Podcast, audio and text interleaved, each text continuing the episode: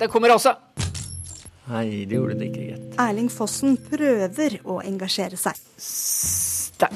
Nå skjer det. 2014. Direktestreamingens år. Over en halv million, og det bare på nrk.no, glodde på et fjell som satt i ro. Vi venter fortsatt på dette flyet som eh, kommer fra Sierra Leone. Eh, det var et fly her tidligere som man trodde kunne være dette, men det, det var altså ikke det. 2014. Ordet direkte hysteri ble nevnt. Mens vi eh, venter på at flyet skal lande, det var snakk om at det var 2014. Nettaviser opplevde at saker om Farmen-Olav og Farmen-Finn-Olav ble høstens mest leste. Også papirforsidene var prega av dette dramaet. TV 2 har vært veldig flinke til å selge konfliktene. Og deltakerne har vært flinke til å lage dem og delta i dem, og også følge dem opp. Sa Brita Møystad Engseth, filmkritiker, TV-kritiker, blogger og TV-junkie. Og mannen? Nå skjer det. Mannen har ennå ikke falt. Nei. Kurer. 2014. Teknologiutvikling, markedskrefter, fragmentering. I et lite beige studio på Marienlyst sitter to viktige mediemenn og tenker på 2014. Eh, den aller tydeligste trenden, etter min mening, som foregår akkurat nå, det er eh, de globale aktørenes inntreden i det norske markedet. Det er en eksplosjonsartet uh, omsetning. De, eksempelvis Netflix, HBO, Google. Så det syns jeg er den helt overordna aller viktigste trenden som, som vi står midt i akkurat nå. Ja, jeg er helt enig i det. og Dessuten så tror jeg vi kan vente oss en inntreden av enda flere glo globale aktører, kanskje allerede neste år. Hører du hvem det er? Tidligere avismann og kringkastingssjef Tor Gjermund Eriksen og Bernt Olufsen, ansvarlig redaktør i VG i 17 år, nå redaktør i Skipsted, som bl.a. eier VG, Aftenposten, Bergens Tidende, Stavanger Aftenblad og Fedrelandsvennen. Og Olufsen er også styremedlem i Polaris Media, som eier 31 lokale og regionale mediehus. Ja, og mye av det vi produserer av innhold eh, i hvert fall den private delen av norsk medievirksomhet, er jo i høy grad finansiert av eh, reklame eller annonser. og eh, her ser vi disse aktørene ta for seg noe veldig grovt i det markedet. Google og Facebook kommer til å ta over 3 milliarder kroner av det norske reklamemarkedet neste år, og det har skjedd på rekordtid. Lokalavisene i Norge og regionavisene i Norge de holder seg veldig sterkt i lesemarkedet. Deres på en måte samfunnsoppdrag, eller betydning for den offentlige samtalen, er fortsatt veldig viktig. Men, men forretningsmodellen er under press. Ja, den er kraftig press. Vi ser nå ved enden av dette året at Eh, Facebook eh, vil gå inn på de lokale annonsemarkedene i Norge for første gang. Og det er klart at det kommer til å representere en kolossal utfordring for finansieringen av journalistikken i norske lokalaviser. Mm. Sammen med representanter fra TV 2, Dagbladet og A-media har Olufsen skrevet en rapport for Mediebedriftenes Landsforening om NRKs rolle. Det som eh, bekymrer oss i den private del av eh, mediebransjen, er jo at eh, vi får en kollisjon mellom statlig finansiert medievirksomhet og de private aktørene på området nettaviser. Enkelte hevder at han har satt ut på korstog mot NRK. Ja, altså, de kan kalle det hva de vil, egentlig. Det blir vanskeligere å ta betalt for sitt innhold på nettet gjennom nettaviser hvis NRK får anledning til å øh, utvikle øh, lignende produkter. Og det er man i full grad med å gjøre, etter min øh, oppfatning. Og det poenget har jo også regjeringen sett, fordi regjeringen vil jo, sier jo i sin regjeringserklæring at de vil begrense denne muligheten hos NRK. Tor Gjermund Eriksen, kjenner du deg i, uh, igjen i det Olufsen skildrer i NRK? Uh, nei, jeg gjør faktisk ikke det. For For det første er det sånn at NRK har ikke en nettavis som er lik lokalaviser eller regionaviser.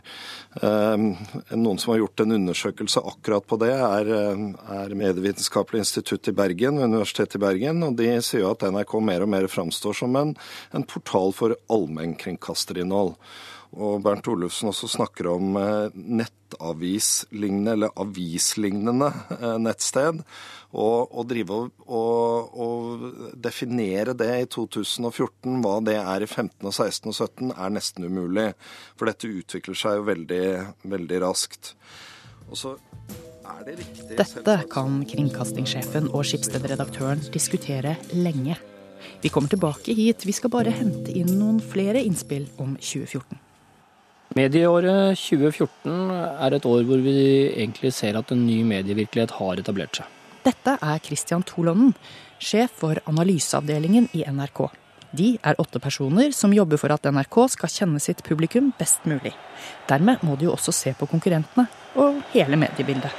Det endte Tyskland 7, Brasil 1. For det første så er det jo slik at uh, det har jo vært uh, en jevn nedgang på TV-seing de siste tre-fire årene i Norge. Allikevel så har ikke den vært egentlig dramatisk, og den har først og fremst vært blant de yngste gruppene. Men nå i 2014 så ser vi for første gang på den perioden da, at uh, TV-seing faktisk øker. Det handler litt om en metodeomlegging i målingene, men det handler rett og slett faktisk om at publikum har sett mer vanlig, tradisjonell TV i 2014 enn det de gjorde i 2013 imperiet slår tilbake, hvis man vil bruke Star Wars-metaforer. Eh, samtidig har vi jo sett at eh, det å bruke nett-TV, det har eh, blitt en etablert vane. Det er hver femte nordmann gjør det hver eneste dag. Men vi har ikke sett den samme veksten på nett-TV nå i år som vi har sett etter at Netflix og strømmetjenestene kom for alvor høsten 2012. Så mm, det er en viss sånn, skal vi si, en viss stabilisering i noen mediebruksmønstre akkurat nå. og Så får vi se om det fortsetter neste år. Det er jo viktig at det har vært et eh, stort år på TV med hensyn til eh, store sportsbegivenheter som OL og VM i fotball. De tingene påvirker jo alltid. Eh, samtidig så har det jo også veksten vært der pga. økt innholdsmengde fra spesielt de kommersielle kanalene, men egentlig fra alle. Altså publikum har et større tilbud enn før. Da forteller vi ikke til noen! Faen! Philip, du sier ikke til noen! Jeg er ikke homo, skjønner du det? Spesielt på drama og underholdning så forskyves innholdet mye mer, eller konsumet av innholdet forskyves i mye større grad enn før. Det vil si at eh, mens vi i gamle dager samles oss eh, for å se på Vestavind, eh, og så alle sammen den samtidig og var ferdig med det når det var etterpå, og dagen etterpå så kunne journalistene skrive om hvor mange det er som hadde sett den i går, så er det ikke slik nå lenger. Både på serier som Lillehammer og Øyevitne så ser vi at en ca. to tredjedeler av seingen fortsatt er live mens den sendes, og på NRK1 akkurat når det ses. Eh, men så kommer det til nesten en tredjedel til med mer seing etterpå. Eh, først og fremst gjennom at folk trykker på opptaksknappen på PVR-ene sine og tar opp eh, og ser etterpå. Men også gjennom nett-TV, hvor serien har hatt en 100 000 seere på nett-TV. Og så har vi selvfølgelig gjenutsendelser, altså, eller det som man kalte for repriser. Det betyr jo egentlig det litt sånn paradoksale at i morgen får du ikke vite tallet for en dramaserie som ikke eh, ble sendt i dag. Du må vente egentlig nesten 30 dager før du på en måte har et tydelig begrep om hvor mange som faktisk har sett eh, den episoden. Eh, det passer jo ikke alltid bra inn i mediejournalistenes vaktlister. Vi er nå oppe i nesten 60% av befolkningen som daglig bruker mobiltelefonen på internett hver dag. Det er i ferd med å tangere avisen, papiravisen. Det er jo Facebook som er en av de store driverne for at folk bruker mobilen sin på nett hver dag, eh, i tillegg til eh, nyheter generelt. Eh, og vi ser at publikum sier at mobilen er deres viktigste nyhetskilde i stadig større grad, uansett hvem det er som leverer de nyhetene på mobiltelefonen.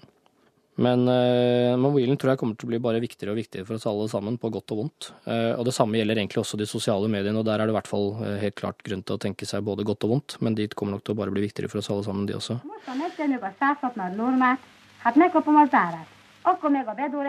Radio eh, er fortsatt like sterkt som før. Det er til og med blitt litt sterkere enn det det var i fjor. Det er over tre millioner mennesker som lytter til radio hver dag. Digitaliseringen av radio går videre nå. Det er over halvparten av de som lytter til radio hver dag, som har lyttet digitalt på en eller annen form. Og radiolytteren har faktisk ikke blitt et eneste år eldre de siste tre-fire åra, i motsetning til TV-seeren som har blitt litt eldre. Så radioen radio står ganske sterkt, og snakkes kanskje litt lite om den i forhold til hvor sterkt den egentlig står. Tenk på det når du legger deg i kveld. Det som bekymrer oss nå Kringkastingssjef Eriksen og Skipsted-redaktør Olufsen er midt i diskusjonen om NRKs rolle. Stadig flere private nettaviser må ta betalt for å overleve. Men hvorfor skal leserne gidde å betale hvis de får det samme gratis på nrk.no? Det er ikke eh, noe nytt, men at vi ønsker at NRK skal konsentrere seg om sitt kjerneoppdrag, som er eh, å levere innhold på eh, TV- og eh, radiovirksomhet. Så kan man selvfølgelig utnytte de digitale flatene fullt ut for å distribuere dette og tilrettelegge dette på en så god måte som mulig, og også sørge for at dette omtales. Men vi er sterkt bekymret for at NRK utvikler noe som ligner på nettaviser. Så hvis Ja, en nettartikkel er basert på noe som har gått på radio og TV før, så er det greit, og hvis det ikke har gjort det, så er det ikke greit? Ja, eh, du kan si det nesten så enkelt. Men, men begrunnelsen for allmennkringkasting er at vi skal ha løfte fram eh, norsk kultur. Eh, ha, eh, formidle felles opplevelser, styrke norsk språk og demokrati. Og den, eh, når mediebruken forskyver seg fra tradisjonelle kanaler over på nett og mobil, så vil vi ikke kunne gjøre den jobben på eh, bare gjennom tradisjonell TV og radio, slik vi kunne før. Og en annen veldig viktig ambisjon vi har, er at vi skal bringe nyheter fra hele landet til hele landet hele tiden. Og det er det ikke så mange andre som gjør. Sånn at jeg tror man tar tak i feil ende hvis man mener at man får bedre forhold for eh, lokalaviser dersom man først svekker NRK. Men ligner ikke nrk.no på en eh, nettavis? Jeg mener faktisk ikke det. Eh, I større og større grad så er NRK en portal der vi eh, presenterer barneinnholdet, utenriksstoffet, distriktssendingene og det TV- og radioinnholdet. Men på nyhetssiden så må vi også ha muligheten til å på en måte bruke de arenaene og den formen som, eh, som er nødvendig for å nå fram. Og på nettet så foregår det nyhetsformidling gjennom både bilder, videoer, tekst og lyd. Og, eh, den, og den veien må vi også drive utvikling av vårt nyhetsoppdrag. Ja, Enhver en kan jo etter min oppfatning gå inn på nrk.no og se om det ligner på en nettavis eller ikke. I mine øyne gjør det det. Men hva er en moderne nettavis, Bernt Olufsen? Kan ikke du definere det for meg? En, en moderne nettavis vil bestå av både tekst, lyd og bilde. Der tror jeg vi vil Og eh, der mener du at. NRK skal drive med tekst og lyd, nei, Jeg- lyd og bilde, men ikke tekst? Ja, fordi det er fundamentalt i et demokratisk samfunn at en tvungen statsfinansiert, lisensfinansiert eh, kringkaster ikke kan gå inn og eh, konkurrere fritt med eh, mediene i privat sektor. Det, det forbauser meg at NRKs ledelse ikke ser den prinsipielle begrensningen som dette legger på deres virksomhet. Eriksen, skjønner du at det er frustrerende eh, for dem som må bygge betalingsmur på betalingsmur, mens NRK samtidig er fritt tilgjengelig på nett?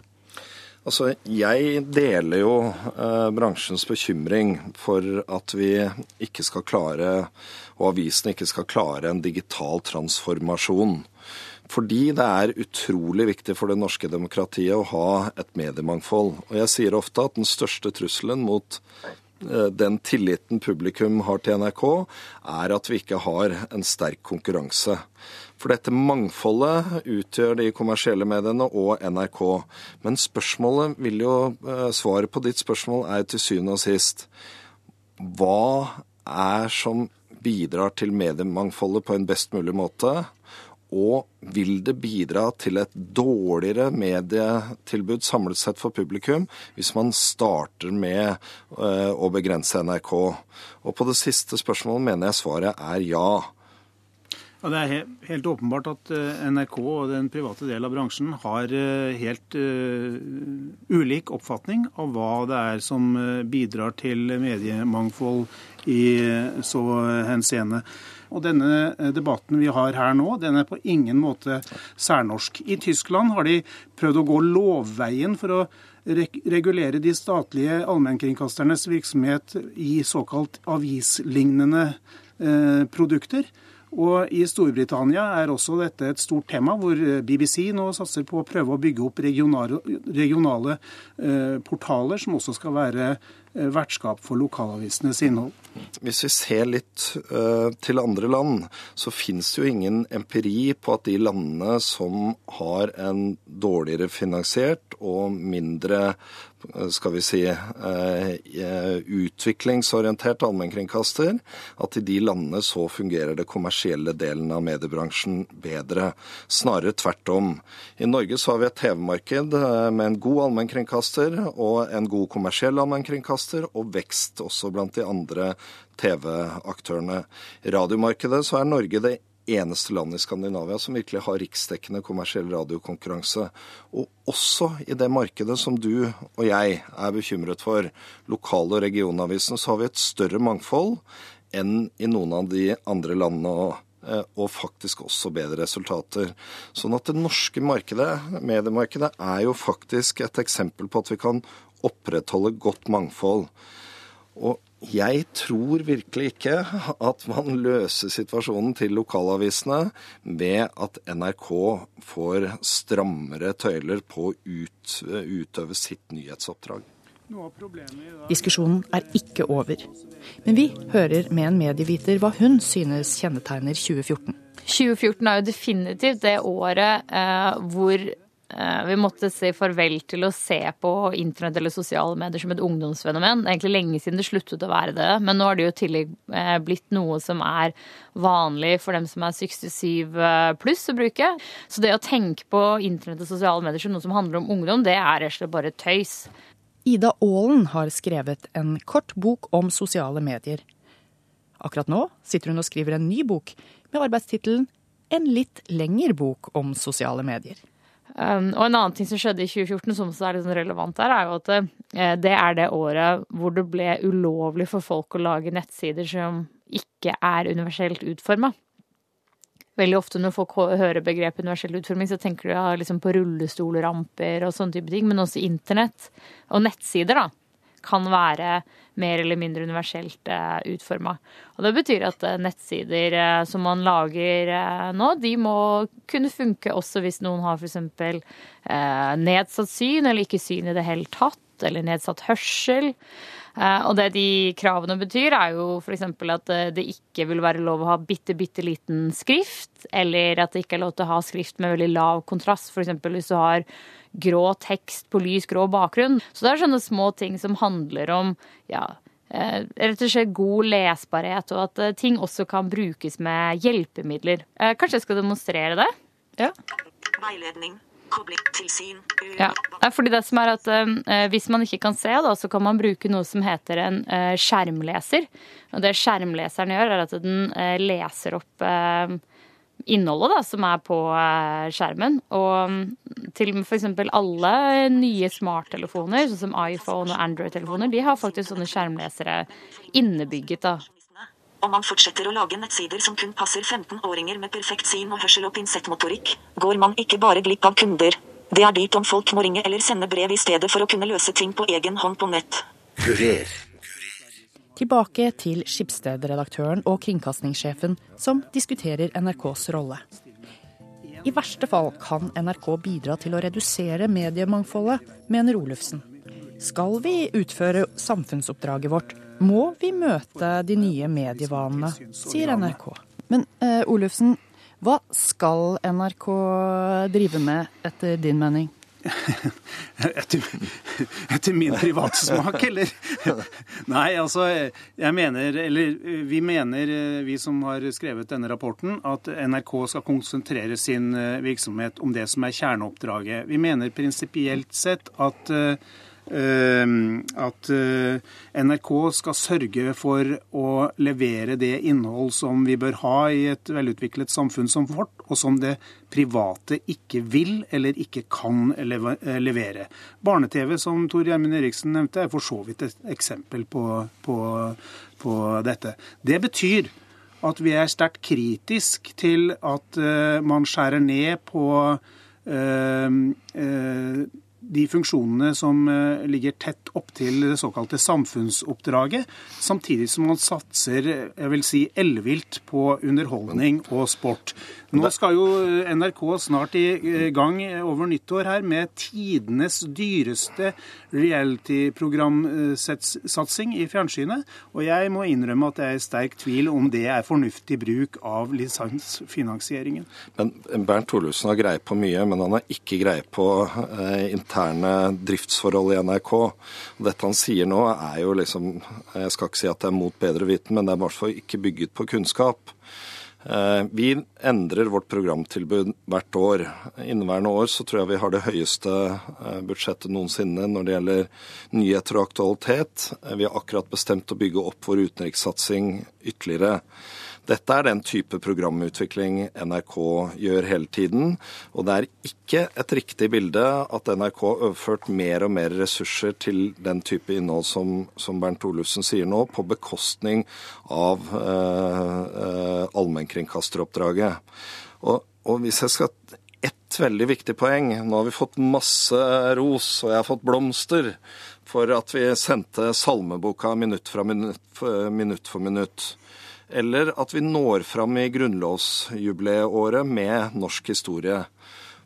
Det som er utrolig viktig forutsetning for å nå fram med det innholdet som andre ikke produserer, er at vi har en bred relasjon til den norske publikum, og at vi også kan sende innhold som samlebrett.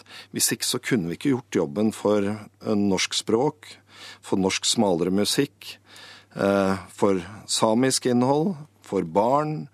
Eh, NRK er omtrent alene om å sende det vi kan kalle kulturkulturprogrammer i Norge.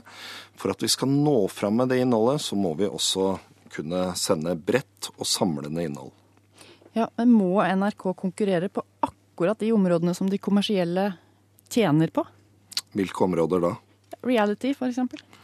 Nei, men det er underholdning. Det er ikke lenge siden jeg møtte TV 2-sjefen i en offentlig debatt i Bergen, og han slo bare helt tydelig fast at, at det er viktig at NRK driver med underholdning og sport også. Er det noe vi kan vite om 2015, så er det at diskusjonen om NRKs rolle og oppdrag ikke er over. Vi skal til den første mediekommentatoren i Norge, Sven Egil Omdal. Krisen i avisene er noe av det som har endra mediebildet mest i 2014, også slik han ser det. Det blir gjennomført massive nedskjæringer i norske aviser, foreløpig i noen av de større, men etter hvert sannsynligvis òg i, i, de mindre lokalavisene.